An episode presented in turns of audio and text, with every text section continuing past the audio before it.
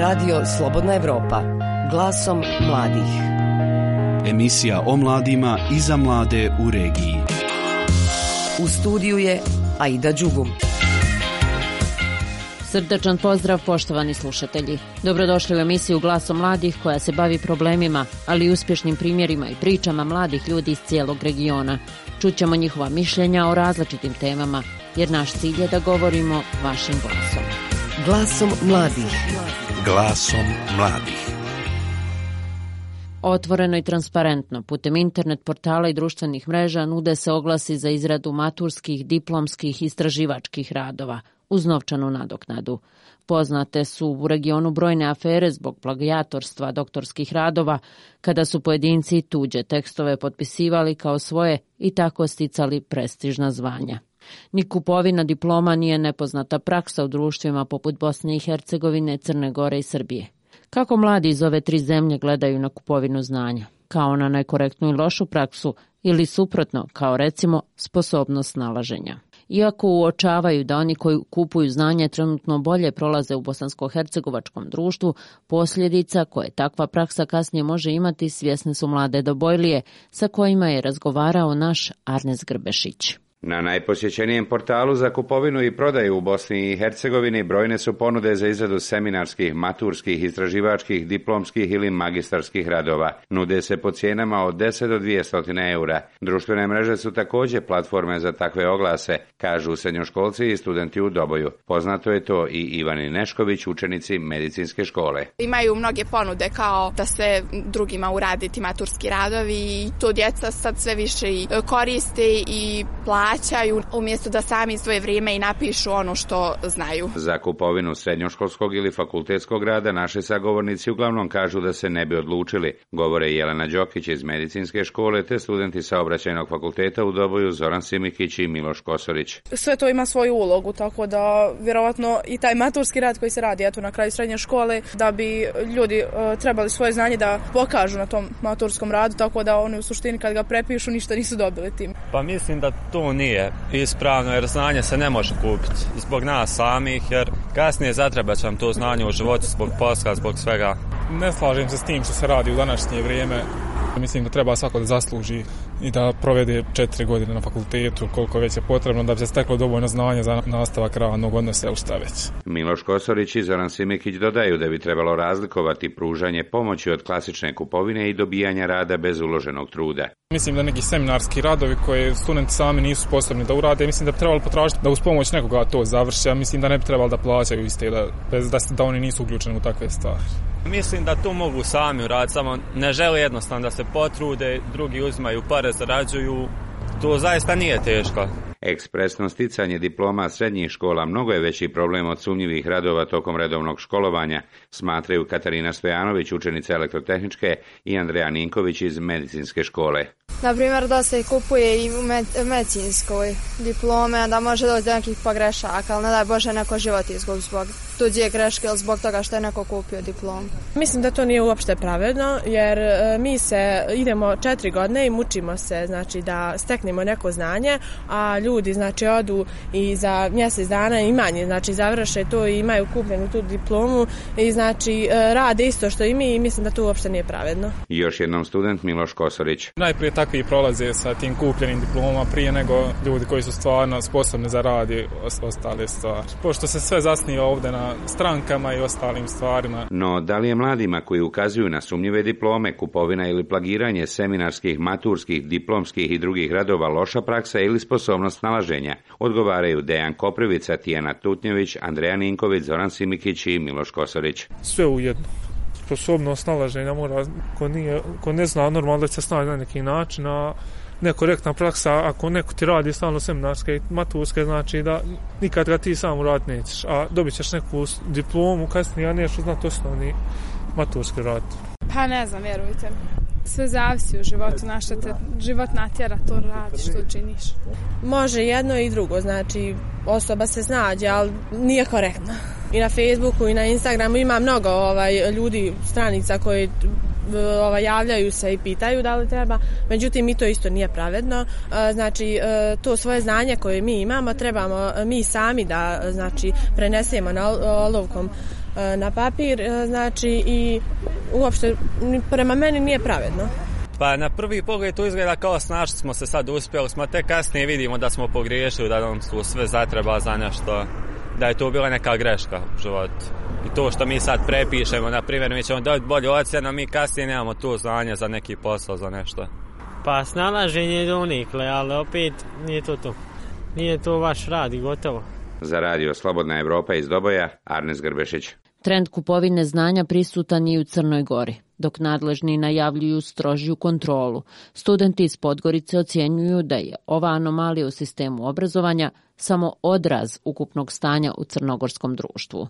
Iz Podgorice se javlja Lela Šćepanović. Prema poslednjim podacima u crnogorskim sudovima je tokom 2017. godine vođeno 14 postupaka zbog falsifikovanja diploma, a 12 je osoba zbog ovog krivičnog dijela kažnjeno. Međutim, riječ je o diplomama srednjih stručnih škola, pretežno iz regiona, dok diplome sa fakulteta, prema podacima Ministarstva prosvjete, u 2017. nijesu bile sumnjive. Ipak, sa Univerziteta Crne Gore iz rektorata i Ministarstva prosvete, koje je nabavilo najnoviji softver za kontrolu naučnih radova, tokom prošle godine najavljeno je adekvatno uređenje ove oblasti i utvrđivanje zakona o akademskom integritetu.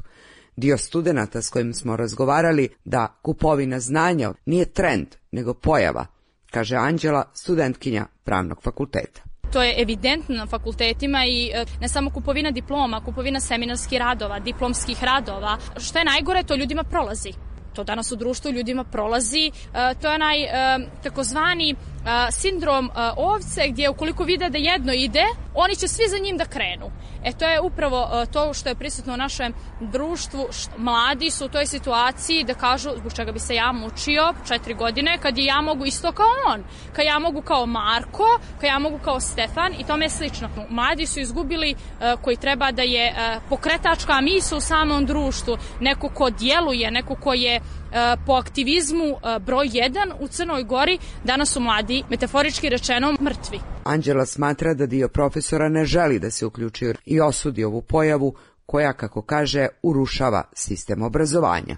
I čak s aspekta tog studenta koji želi jednostavno da se pohvali da mu je takav jedan postupak prošao, bez sankcija, da jednostavno profesori nisu ti koji su to primijetili i da oni tako reći nadmudrio njih i to je jako prisutno danas jer vidimo uh, da plagijati prolaze. Njen kolega Luka sa ekonomskog fakulteta naglašava da je kupovina stručnih radova za novac opšta pojava. Pa čak sami studenti bi trebali da, da se dogovore, da stanu na put tome, da, da jednostavno ignorišu takve ponude koje tam svugdje možete naći. Nažalost, većina gleda kao lakši način da se seminarski A čime vi objašnja? Je li to ukupnom erozijom obrazovnog sistema? Iskreno, iskreno mislim da ima dosta neobrazovanih ljudi na jakim pozicijama što da od toga kreće sve.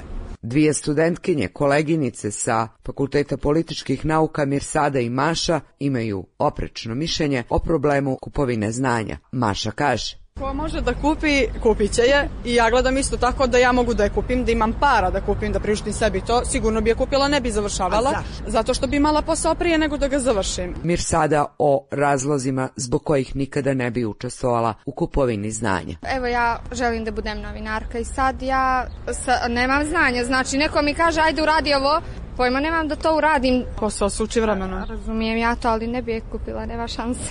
Jel vam moralna načela to ne dozvoljavaju? I ili... to i hoću da znam za sebe šta diplomu kupiš. Ne znam, ima slučaj, baš jedna moja, pa da kažem da mi je drugarica, ona studira medicinu, ona se tim bavi. Znači, medicina je velika odgovornost. A čime se bavi? Kupovinom ispita, znači da i neko drugi uradi to i da ona to tamo preda i ona je to super uradila i... Iz Podgorice, za Radio Slobodna Evropa, Lela Šćepanović. Pisanje seminarskih i naučnih radova za nadoknadu, iako ilegalno, već godinama je prisutno među akademcima u Srbiji. Beogradski studenti sa kojima je razgovarao naš Dušan Komačević kažu da nikada nisu imali ni potrebe ni želje da na takav način završe predispitne obaveze. No svjesni su činjenice da oglasi kojima se nude ove usluge su na svakom koraku. Brza, kvalitetna, najjeftinija. Izrada bilo koje vrste seminarskog, diplomskog, maturskog ili stručnog rada, uključujući prezentacije. Vaše je samo da nam pošaljete temu, broj strana i neka uputstva vezana za tehničke detalje oko same izrade rada i odmah ćete dobiti odgovor. Ovo je samo jedan u nizu oglasa koji se mogu pronaći na internetu ukoliko u pretraživaču ukucate odrednicu pisanje naučnih radova za novac. 21-godišnja Milica, studentkinja pravnog fakulteta, kaže da nikada nije posegla za tom vrstom prečice. Sam imala susreta sa seminarskim, nikad nisam plaćala, niti znam nekog ko, ko to radi. Mislim, znam da to postoji masno, ali prosto nisam se susrećala, sa susretala sa tim na svom fakultetu. Iskustvo ove vrste nema ni 20-godišnja Milena, koja kroz šalu dodaje Razmišljala sam da pišu drugima seminarske, ali sam shvatila da je to ilegalno, ja nisam ljubitelj bilo čega što je kao ispod vita. Na mom fakultetu još uvek nismo došli do momenta gde mi moramo da pišemo seminarske, tako da nismo ni imali priliku zapravo da se izlačimo na taj način. Mislim da i nećemo na osnovnim studijama, to je tek na masteru posle. Na pitanje zbog čega se pojedini studenti odlučuju na ovakvu vrstu prevare, mišljenja akademaca su podeljena. Milena je kategorična. Mislim da je lenjost. Definitivno lenjost, da ne kažem bezobrazluk, da. 21-godišnja Mitra slaže se sa ovakvim stavom. To je vrsta zloupotrebe.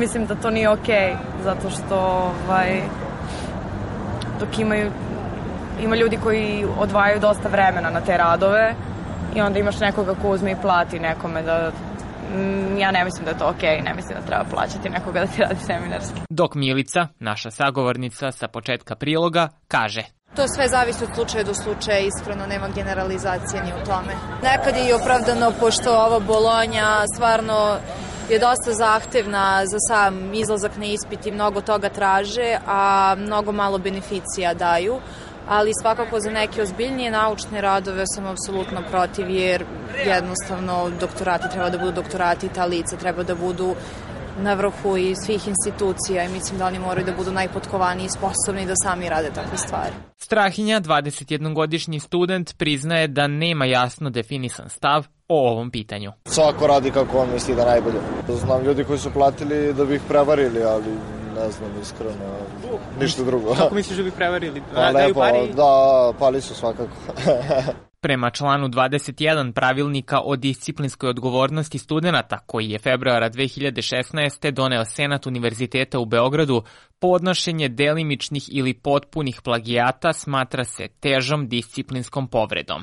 Neke od sankcija koje su predviđene za učinioce težih disciplinskih prekršaja su zabrana polaganja ispita u jednom ili više ispitnih termina, privremeno udaljavanje sa fakulteta ili univerziteta, ali i trajno isključenje sa studija na fakultetu, odnosno univerzitetu. Iz Beograda za Radio Slobodna Evropa, Dušan Komarčević. Glasom mladih. Glasom mladih. Upravo praksa kupovine znanja trebala bi biti sankcionisana kao i ostalom i druge nelegalne radnje, kako ne bi postali prihvatljivi model ponašanja u društvu. Za to je potrebna vladavina prava. No dio civilnog društva smatra kako je osnovni zajednički problem u državama bivše Jugoslavije vlast pojedinaca umjesto sistema, te da tu nema puno mjesta vladavini prava. U okviru projekta kojeg finansira Evropska unija, nekoliko nevladinih organizacija iz cijelog regiona okupilo je mlade u Mostaru, gdje su govorili o važnosti vladavine prava i ljudskih prava.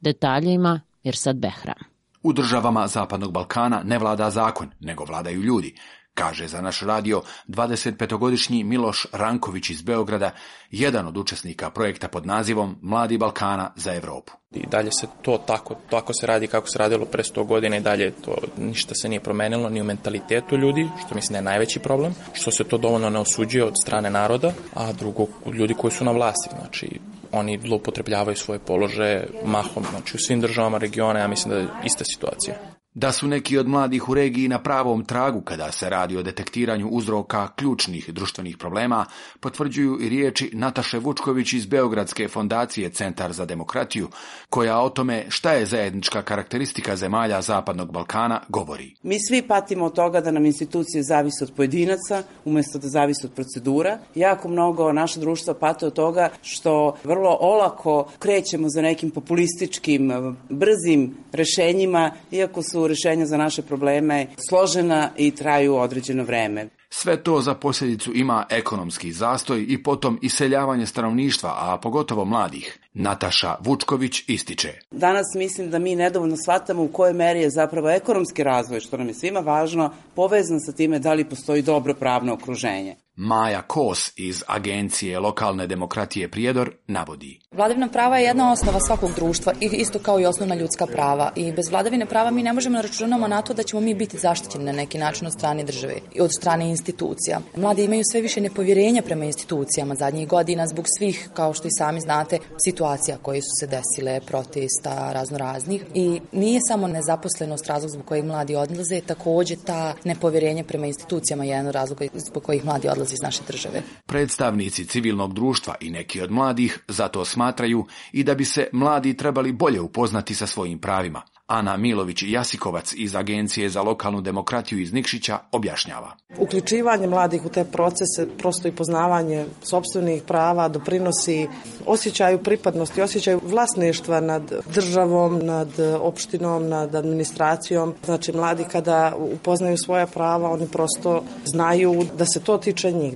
Inače, rasprava o temi zašto su vladavina prava i ljudska prava važni za mlade u regiji organizirana je ovih dana u Mostaru u okviru projekta pod nazivom Mladi Balkana za Europu, finansiranog od Europske unije i Balkanskog fonda za demokratiju. Maja Vejzović iz Agencije lokalne demokratije Mostar smatra da je projekat važan zbog onoga što zemlje regije čeka u procesu europskih integracija. Jako nam je bitno mišljenje mladih, stav mladih naspram europskih integracija i u stvari on ono šta mladi žele i kako vide taj put. A šta mladi žele, objašnjava Nataša Vučković iz Beogradske fondacije Centar za demokratiju. Naše je uverenje da mladi žele dve stvari. Žele pre svega dobar posao, žele jedno uređeno društvo i žele sigurnost i perspektivu. Naše ubeđenje je da svega toga nema bez vladavine prava, bez fundamentalnih prava i bez onog dobrog pristupa politici socijalno-ekonomskog razvoja koji će voditi računa pre svega o mladim generacijama. Za Radio Slobodna Evropa iz Mostara, Mirsad Behram. Radio Slobodna Evropa. Glasom mladih. Emisija o mladima i za mlade u regiji. Mladi u sve ranijoj dobi, pa čak i u osnovnoj školi, posežu za alkoholom, koji im je dostupan u trgovinama i u kafićima. U susret svjetskom danu borbe protiv alkohola koji se obilježava 1. aprila iz Centra za edukaciju mladih u Travniku prikupili su podatke koje govori o štetnim posljedicama alkohola. Upozoravaju da su edukacija i prevencija, ali izricanje sankcija jedini način za borbu protiv ovog problema.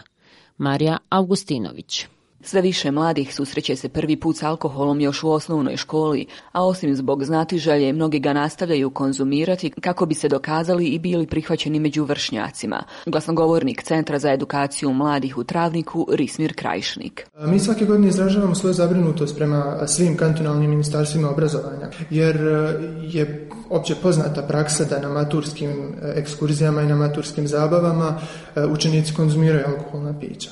Ono što je također zabrinjavajuće jeste da je granica prvog kontakta mlade osobe sa alkoholom sve niža i niža. Donedavno je to bilo neki 14-15 godina, sad imamo čak i 11-12 godina da uh, mladi ljudi dolaze u kontakt sa alkoholom prvi put. U Centru za edukaciju mladih upozoravaju da je alkohol mladima dostupan na svakom koraku, što potvrđuju i akcije pod nazivom 18 plus i tajni kupac koje je proveo ovaj centar. Iako ističe da postojeći zakon jasno zabranjuje trgovcima i ugostiteljima prodaju i točenje alkohola maloljetnicima, krajišnik naglašava da on nikada nije u potpunosti zaživio. Zakoni su propisali kazne kazne i, i pravnim i fizičkim licima i sve je to dobro postavljeno, međutim e, mehanizmi za nadzor e, provođenja tog zakona, odnosno za provjeravanje poštovanja tog zakona još uvijek nisu dobro postavljeni jer da bi e, inspektor izrekao kaznu trgovačkom objektu i, i trgovskom fizičkom licu za prodaju alkoholnog pića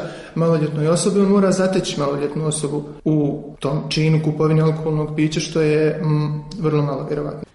Među tajnim kupcima Centra za edukaciju mladih bila je i 17-godišnja Ena Šabanović, koja smatra da trgovci sve više postaju svjesni zabrana kada je riječ o prodaji alkohola. Međutim, ona naglašava da u većini kafića nema nikakvog ograničenja.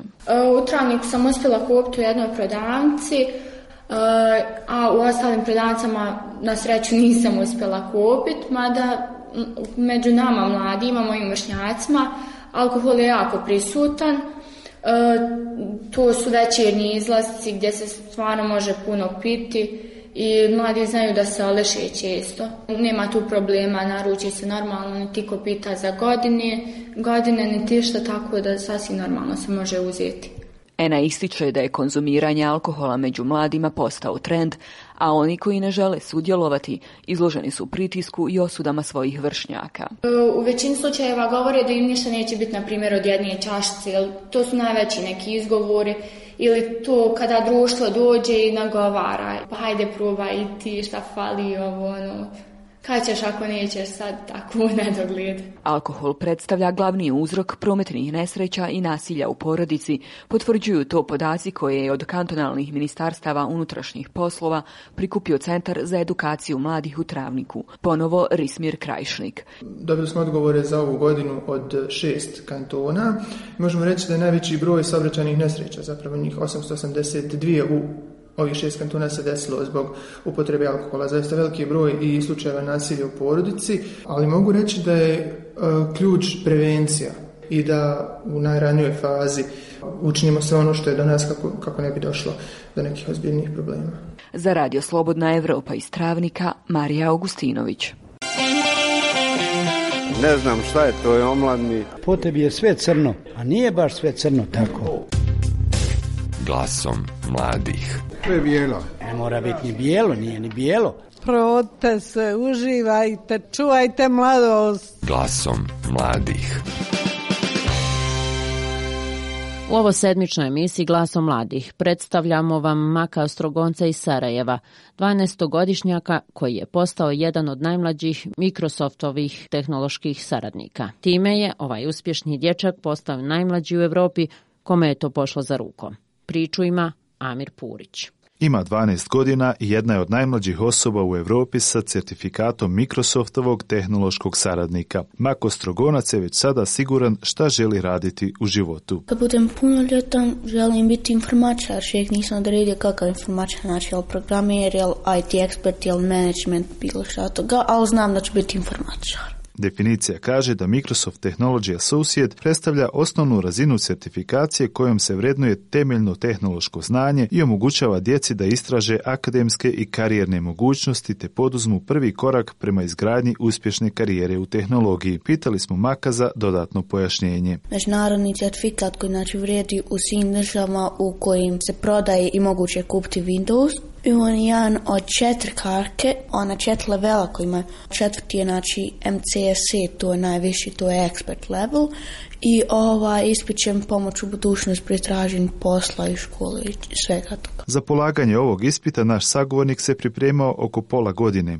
Sa devet godina je počeo pohađati kurseve iz informatike, a ljubav prema svijetu računara kod Maka se mogla primijetiti i znatno ranije, kaže njegova majka Elma Rovčanin Ostrogonac. Meni kao majci je bilo glavno da ovaj, on zaista uživa u tom i svaki put je s kursa izašao nasmijan, ali evo ovo polaganje samo još jedan na, dodatni način da ga motivira u svemu tome. Mak je odličan učenik sedmog razreda, a pored informatike obožava matematiku i fiziku. Njegovi dani su ispunjeni i brojnim van nastavnim aktivnostima. Jednom sedmično po dva sata je u School and School na programiranju, jednom sedmično je dva sata na njemačkom isto u School and School i još je dva po sedmično po sat vremena na engleskom. Pa evo vidite koliko je to van nastavni aktivnost koju treba stići svaki dan. Uskladiti dječje školske i van nastavne aktivnosti nije jedini zahtjevan zadatak roditelja. Posebno je važno nadzirati šta dijete radi kada koristi računar, tablet, telefon i druge tehnološke uređaje, ističe Makova majka. To je jako, jako teško i zahtjeva od roditelja da prati sve što se dešava, ne šta on radi, nego uopšte što se dešava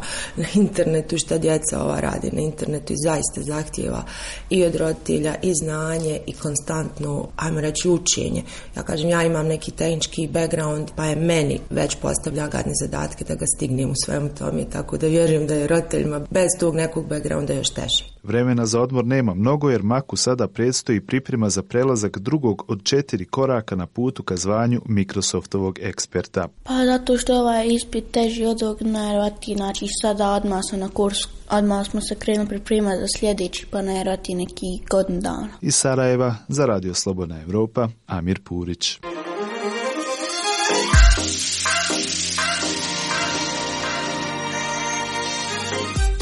Mladi umjetnici, njih 470, koji pohađaju škole klasične muzike, ovih dana imalo je priliku da učestvuje na internacionalnom festivalu muzike Primavera u Bijeljini. Iako je već proglašen za festival sa najvećim brojem učesnika u Bosni i Hercegovini, interesovanje raste iz godine u godinu i tako postaje mjesto gdje ljubitelji klasične muzike mogu pokazati znanje, ali sklopiti nova poznanstva i prijateljstva. Aljoša Ljubojević. Internacionalni festival muzike održan je u Bijeljni po četvrti put, a mladi umjetnici iz 75 muzičkih škola i akademija iz BiH regiona i Europe družili su se četiri dana, izvodili naučena djela te razmjenjivali iskustva. Jedna od 470 učesnika, Jana Mrdić iz Bijeljine, koja se takmičila u kategoriji klavir, kaže da je primavera jedinstveno mjesto za mlade koji ulaze u svijet klasične muzike. Nova prijateljstva svakako to je veliko bogatstvo ovog festivala, ali znači da ima dosta talentovane djece što je, što je vrlo pohvalno za našu državu i okolinu, znači za prostor ovaj. Djeca ne dolaze samo iz, iz Bosne i Hercegovine, nego širom Balkana, tako da se radujem novim prijateljstvima i upoznavanjima i vrlo sam srećna što sam ovdje. Nažalost, danas je sve više ovaj, drugačije muzike od ovoga, ali ja se nadam da ćemo uspjeti da istrajemo u ovome i da ćemo uspjeti da, da mlade motivišemo jer je ovo podjednako važna muzika kao i sve ono što se danas sluša, odnosno važnije od mnogo toga što je, što je danas u prvom planu. Matea Divjak, učenica četvrtog razreda muzičke škole u Živinicama, ove godine je u kalendar nastupa upisala Bečej, Sarajevo, Smederevo, Beograd, ali i Bijeljinska primavera bila je nezaobilazna. Prvo je počelo kad sam bila skroz mala, prvo me veoma me interesovala kao instrument violina.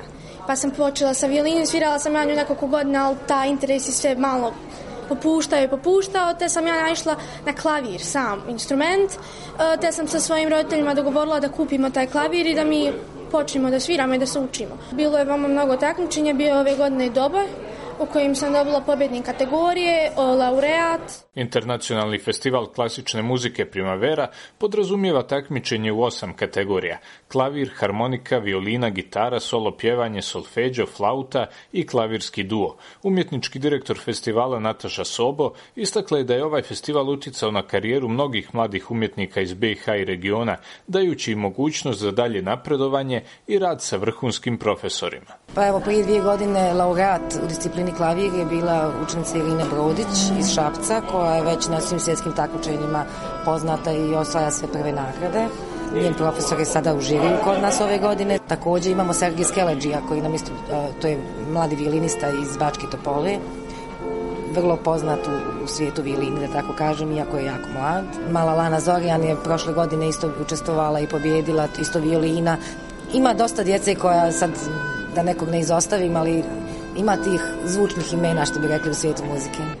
Profesorica muzičke škole iz Živinica Monika Tadić smatra da festivali klasične muzike kojih ima sve više u regionu treba da posluže kao osnova za izgradnju samopouzdanja mladih muzičara koji treba da shvate da se izvođenje dijela sastoji iz više aspekata koje žiri posmatra od nekih sitnica, nekih samopouzdanja, od treme kako ukloniti, kako vladati time na sceni, kako se ponašati, imati stav, e, razmišljati o stilu prije svega, o ljepoti tog stila, kako ga prenijeti, kako ga iskazati, čuti u trenutku šta nedostaje, probati nekako da i oni već sami postanu svjesni svega i da to postanu već mali profesionalci, da nisu više amateri. Tokom četiri dana trajanja internacionalnog festivala klasične muzike Primavera, mladi učesnici izveli su više od 1500 kompozicija, a u večernjim časovima održavani su koncerti pobjednika kategorija. Organizatori za narednu godinu najavljuju još sadržajniji program, kao i još više učesnika. Za emisiju Glasom mladih iz Bijeljine, Aljoša Ljubojević.